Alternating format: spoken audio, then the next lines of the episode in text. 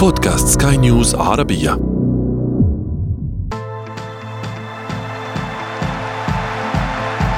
أثير الكرة.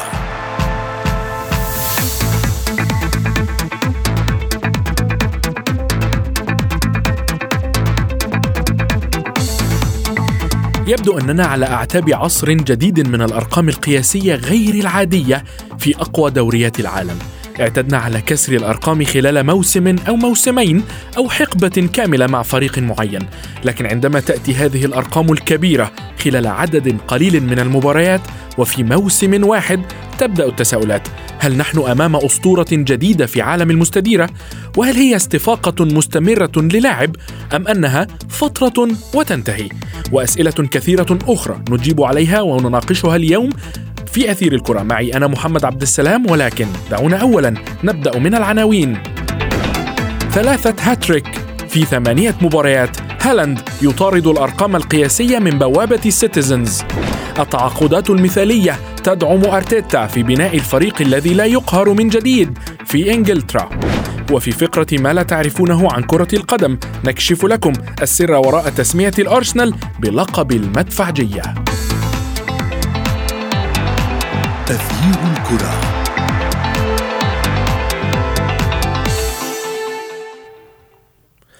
عندما قيل إن الدوري الإنجليزي الممتاز هذا الموسم لن يكون كسابقيه جميعنا توقع أن يكون من حيث المنافسة والندية خاصة أن الأندية الإنجليزية كانت الأكثر إنفاقا في الميركاتو الصيفي لكننا لم نتوقع أن يكون استثنائيا حتى في كسر لاعب للأرقام القياسية في أولى جولاته فقط City's new!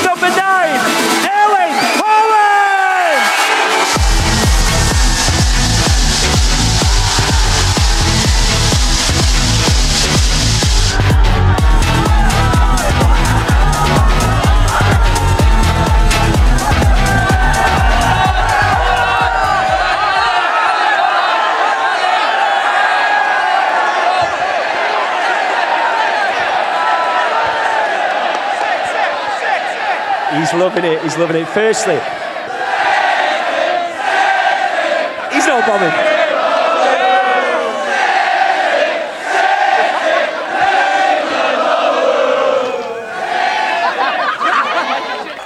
لمزيد من الحديث بشأن هالاند والدوري الإنجليزي الممتاز ينضم إلينا الصحفي الرياضي ضياء الدين محمد مرحبا ضياء ضياء آه، هالاند أرقام قياسية حققها بسرعة فائقة. ثمان مباريات ثمان جولات فقط في الدوري الإنجليزي. آه، آه، حقق خلالها 14 هدفا.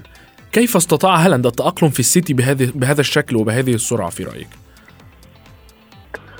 آه، جميل محمد برحب بيك الأول طبعا قبل أي حاجة وبرحب بالساده المستمعين يمكن هالاند مانشستر سيتي لما جه يضمه. هو عارف كويس جدا إن هو بيضم بيضم لاعب. إمكانياته عاملة إزاي؟ وعارف كويس جدا إنه بيضم القطعة المفقودة في نظام بيب جوارديولا. السنة اللي فاتت يمكن كان مانشستر سيتي بيوصل لل... بيوصل للمر... للمرمى بشكل كبير جدا ولكن ما كانش عنده ال- المهاجم ال finisher اللي يقدر إن هو آه، يعني يترجم هذه الفرص إلى أهداف. آه، هالاند جاي طبعا من بروسيا دورتموند. هو راجل هداف وراجل ارقامه أصلا في الدوري الألماني كانت كبيرة جدا على لعبه في فريق زي دورتموند. وكمان حتى مع منتخب النرويج كمان هو بيحط ارقام قياسية مع منتخب النرويج لدرجة إن أنت وصلت لمرحلة إن هو لاعب أصبحت عدد أهدافه أكتر من عدد مبارياته. يعني هو جايب أهداف أكتر من عدد الماتشات اللي لعبها. نعم. فبناء عليه بيب جوارديولا لما جه ضم آه، ايرلينج هالاند هو هو عارف كويس جدا. هو عايز إيه من هالاند؟ هو عارف كويس جدا إن هالاند هو ال ال القطعة ال- التي يحتاجها مانشستر سيتي عشان يعمل upgrade مهول للفريق آه، بشكل عام آه، وعشان خاطر كمان يقدر إن هو يترجم كم الفرص الكبير اللي كان بيتاح له في ال- المواسم ال- اللي فاتت إلى أهداف. فيمكن ده اللي خلى آه، هالاند يعني يوصل إلى آه، مانشستر سيتي. وهو عارف كويس جدا إن في دور مطلوب منه في دور هيلعبه. أنت جاي عشان خاطر آه، هو جاي بمعنى أصح واخد آه، آه، دعم آه، فني ودعم نفس- آه، نفسي ومعنوي من بيب جوارديولا اللي بيجيد التعامل مع اللاعبين صغار السن جدا. يمكن حتى كمان أنا عايز أقول لك برضه كمان إن فودن يعتبر برضه من اللعيبة الصغيرة اللي اللي طلعت على إيد آه، بيب جوارديولا.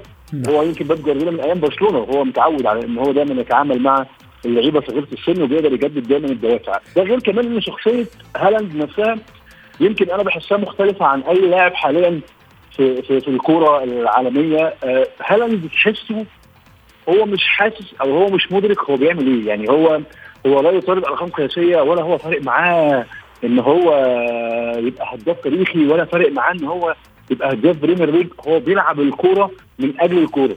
هو بيلعب عشان هو بيحب يلعب الكورة. هو نعم ضياء وهنا تحديدا كان كان هالاند له تصريح أنه آه، آه، يريد فقط لمس الكرة خمس مرات وتسجيل خمس أهداف. فقط. وهنا تحديدا علق جوارديولا وقال أنه لا يحب هذا في هالاند بل إنه يريد هالاند أن يلمس الكرة أكثر وأن يشارك باللعب أكثر.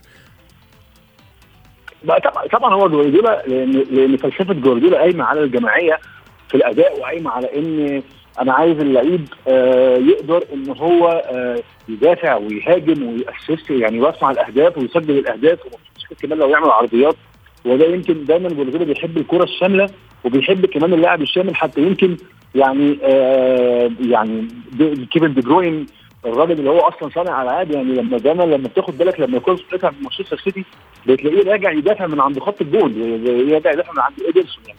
يمكن هو ده اللي خلى بيلدر يقول كده ولكن هالاند كشخص كتكوين آه يعني تكوين ذهني للاعب وك mentality أو كعقلية لاعب كورة هو هو نازل أنا عايز ألعب كورة. أنا ما أرقام أهداف أنا كل ده مش في دماغه تماما. هو عنده هدف. هدفي إن انزل أحطم ال- ال- المنافسين آه، أهز شباكهم. يعني لو تفتكر حتى كان في فيلم آه، فيلم الشهير آه، روكي. آه، كان في إيفان دراجو في ال- في الجزء الثالث. نعم. إيفان دراجو هو هو ولا مدرك هو بي هو بي يعني بي بيمثل مين ولا هو مدرك للصراع ال- السوفيتي الأمريكي. هو نازل كل هدفه إنه يخش الحلبة. ضياء ضياء اذا إذا ما إذا ما صدقت فيما تقول إذا فباقي الأندية التي ستواجه هالاند والسيتي ستكون في في مأزق كبير جدا. هم بالفعل في مأزق ولازم يبقوا عارفين حاجة زي كده. انت هالاند لو تعالى لو بصينا على ال 18 جون اللي هو جايبهم أهداف تسديدات أهداف من كرات رأسية أهداف كان فيها آه ركض كثير ومزاحمة ومكاتفة مع المدافعين. نعم. آه الهدف الأول الهدف الأول يمكن في هالاند في في الديربي في ديربي مانشستر الحد اللي فات يعني الكورة خلاص مرت من جميع اللاعبين خلاص هي في الطريق إلى خارج الملعب. لكنه آه، حاول عليها آه، آه، طار عليها برجله وفرد رجله هو كمان تكوينه البدني وتكوينه العضلي بيخليه يعمل يعني يعني هو بيفكرني بابراهيموفيتش في عزه. نعم. يعني إبراهيموفيتش وقت شبابه كان شبه كان هو هالاند ده بيفكرني بإبراهيموفيتش. نعم. سؤال سريع ضياء هل تعتقد أن هالاند آه، آه، اذا إذا ما استمر في هذا النهج من من تهديف من تسجيل الأهداف هل آه، آه، سيكسر باقي الأرقام القياسية في ال Premier League بالطبع بالطبع. هو يمكن الحاجة الوحيدة اللي هتوقف هالاند هي إن جوارديولا يعني الإصابة طبعا ودي حاجات بقى قدرية بتاعت ربنا سبحانه وتعالى يعني أو إن جوارديولا يقرر ما يلعبوش. يعني هو كان جوارديولا كان ليه تصريح صعب أنا كنت قريته له أول امبارح إن هو بيقول لا إن هالاند مش هيلعب كل الماتشات وان في أوقات كتير جدا هقعده على الدكة ويمكن ده منطقي. يعني لما تكون بتلاعب منافس نوعا ما يعني مش هقول لك يا سيدي دون المستوى ولكن يعني في level أو في مستوى أقل شوية فأنت بتبقى محتاج تريح اللعيبة الأساسية لأن الموسم طويل. الموسم فيه آه، في إنجلترا بس ثلاث بطولات ده غير آه، دوري أبطال أوروبا. نعم. هل تعتقد أن هالاند من اللاعبين الذين يحتاجون إلى الراحة؟ يعني في الأول وفي الآخر ما كانش فاضل هو جوارديولا بيفكر من منطلق إن هو يريح اللعيب بتاعه على الأقل يقلل فرص إصاباته يعني. نعم. أنت دلوقتي لو لعبت 60 ماتش ففرص إصاباتك هتبقى أكتر بكتير. يعني فرصة تعرضك للإصابة هتبقى أكبر نعم. بكتير من مثلا من لو لعبت 50 أو لعبت 40 بالتأكيد. ضياء. ده اللي جوارديولا بيفكر فيه. ضياء ابقى معي. نعم. فاصل قصير. نتابع بعده ما تبقى من أثير الكرة. أثير الكرة.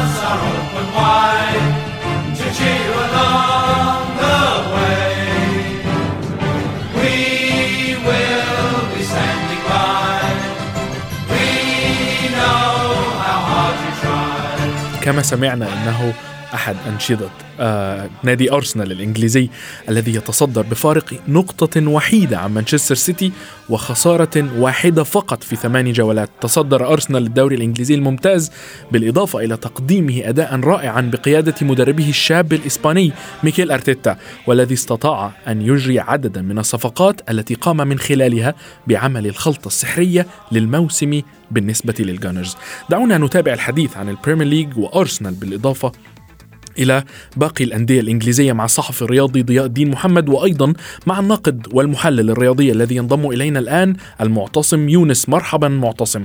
معتصم كان الجميع يتوقع هيمنة متوقعة بالتأكيد من مانشستر سيتي وليفربول آه، بناء على الموسمين السابقين أو المواسم السابقة لكن جاء أرسنال من بعيد هذا الموسم. ما سر هذه العودة في رأيك؟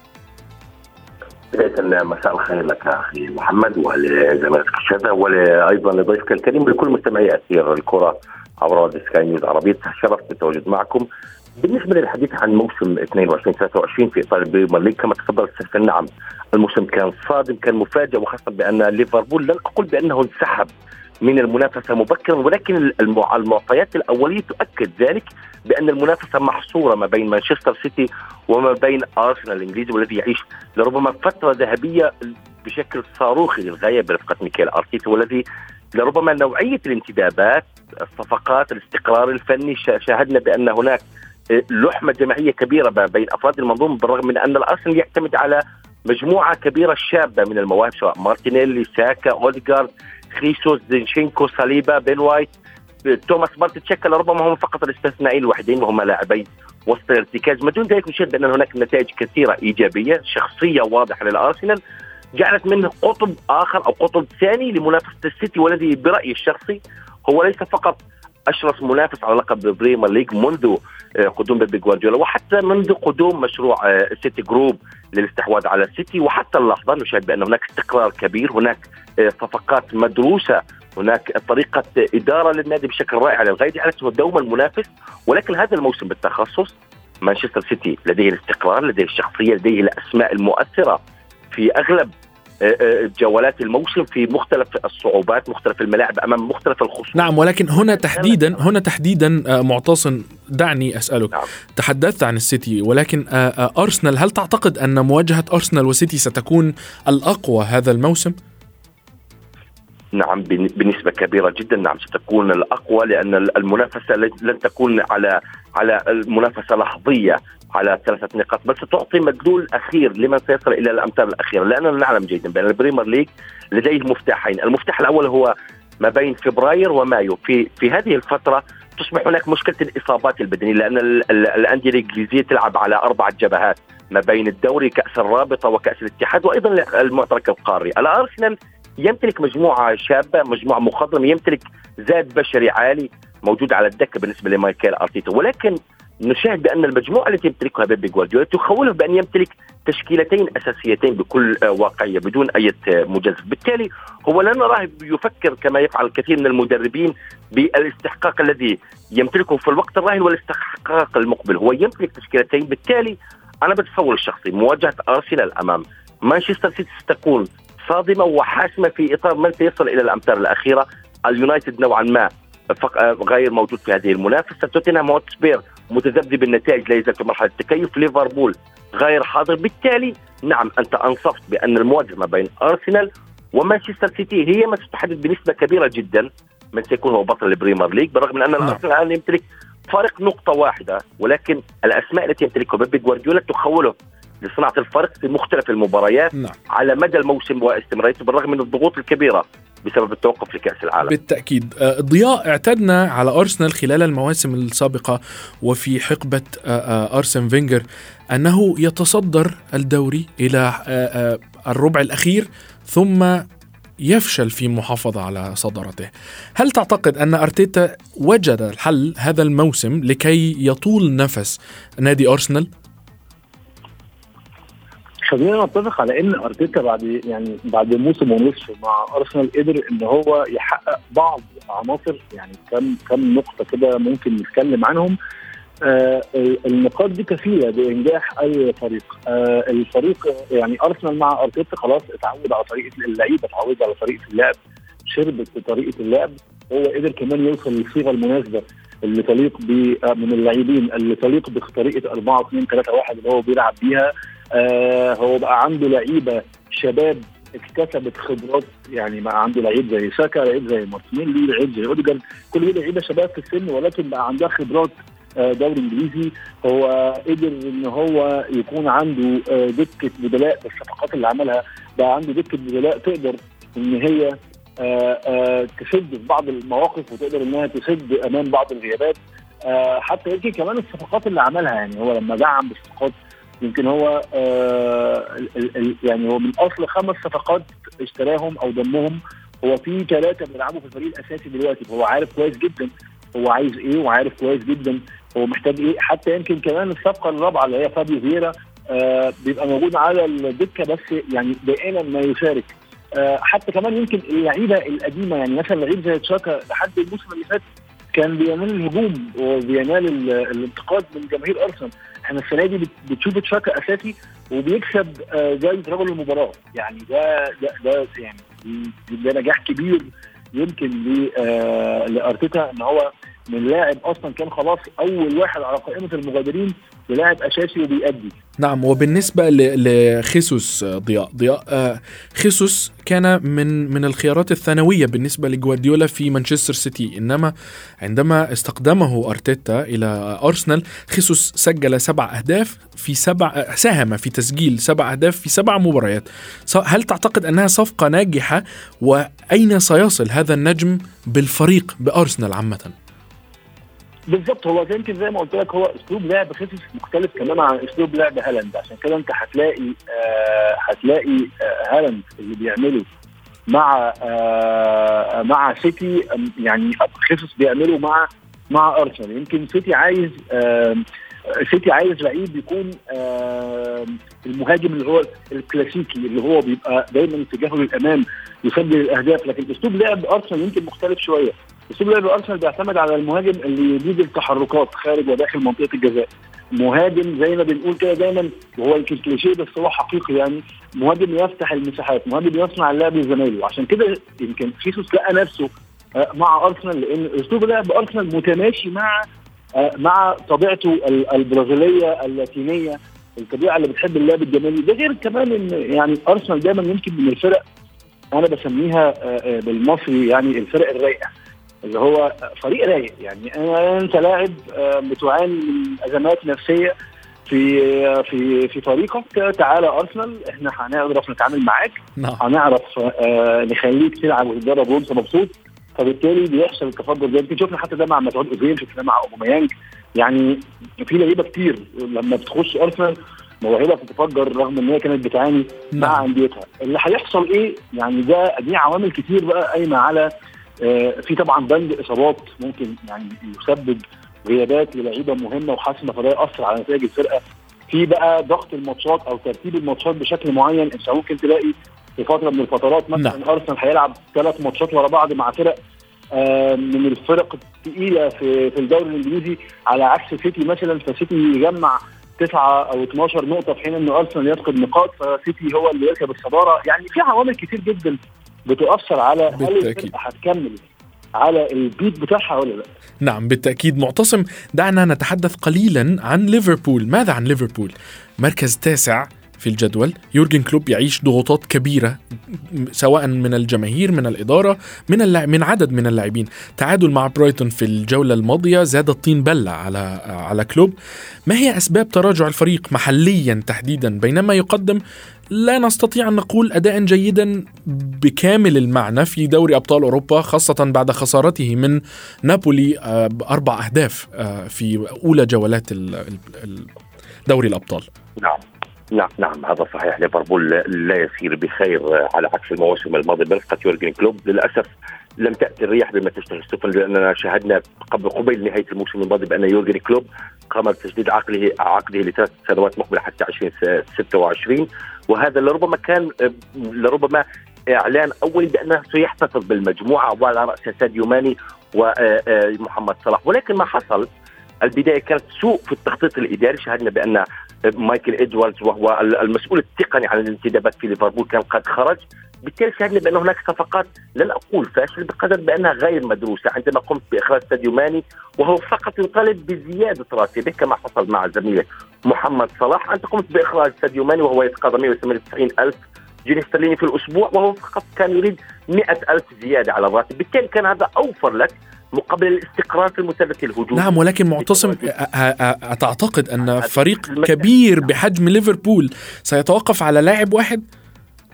لا المشكلة ليست بلاعب واحد هي المشكلة في الاستقرار الفني الذي وصل إليه ليفربول برفقة محمد صلاح وساديو ماني شهدنا بأن هناك عملية تجهيز للبدلاء المحتملين. على رأسهم كان التعاقد مع دييغو جوتا ومن ثم آه، التعاقد مع لويش دياش في في الميركاتو الشتوي. بالتالي أنا بتصور الشخص بدلا من استثمار 100 مليون تقريبا في صفقة داروين نونيز واللاعب لا يزال يتعلم أو يتكيف على طبيعة البريمير ليج. هناك لديه لاعب جاهز قائد في منتخب بلاده موجود في كأس العالم بحجم ساديو ماني. كانت التضحية بساديو ماني هي بداية الفشل أو المؤشرات الأولية لموسم مخيب الآمال من ثم شاهدنا في مطلع هذا الموسم بأن ليفربول بدأ يعاني على الصعيد الدفاعي. مرة تارة إصابة ماتيب من ثم كوناتي ومن ثم فيرجيل فان دايك. رافقها أيضا هبوط حاد في مستوى آه، ألكسندر أرنولد والذي شاهدنا بأن استبعاده من المنتخب الإنجليزي قبيل كأس العالم أثر على ذهنية وعقلية اللاعب. ومن ثم في في في غضون ثلاثة مباريات فقط جاءت طامة جديدة وهي إصابة فابينيو ومن ثم الكانتارا بالتالي ليفربول أصبحت لديه التركيبه غير متجانسة وزاد الطين بلة وهو لربما علامة الاستفهام الأكبر. لماذا انخفض مستوى محمد صلاح؟ محمد صلاح الكل يعلم بأنه مستقر على نسق ثابت. بالتالي بدأنا نشعر بأنه لربما افتقد المنافسة معه ساديو ماني ولربما بدأ يقل الزخم أو عملية الضغط التي كانت تولدها الجماهير يولدها اللاعبين.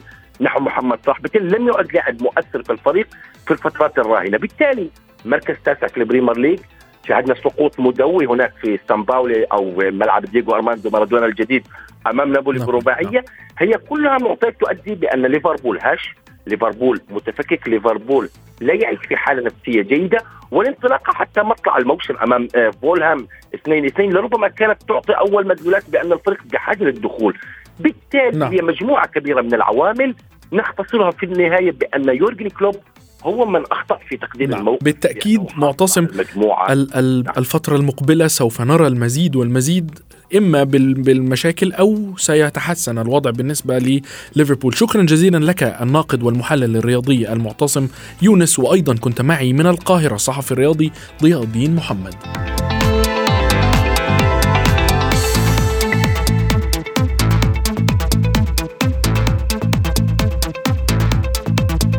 دائما ما نسمع عن العديد من الألقاب المثيرة للاهتمام بالنسبة لفرق الدوري الإنجليزي الممتاز. نرددها أحيانا ولا نعرف السبب الحقيقي وراء هذه التسميات.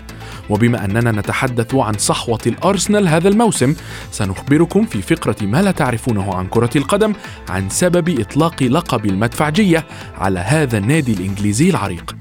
يعود تاريخ هذه التسمية إلى عام 1886 وهو العام الذي شهد تأسيس الفريق من قبل مجموعة من العاملين في دار الأسلحة الملكية البريطانية أو ما يعرف بوولتش شمالي لندن.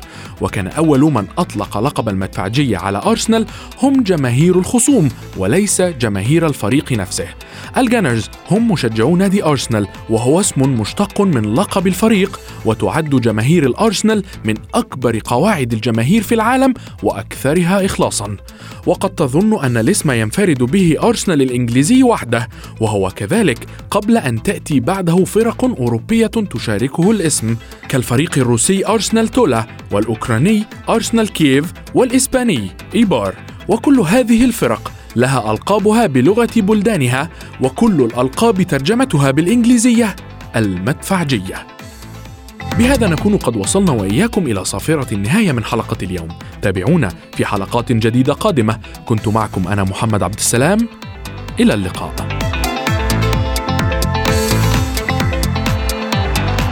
تغيير الكرة.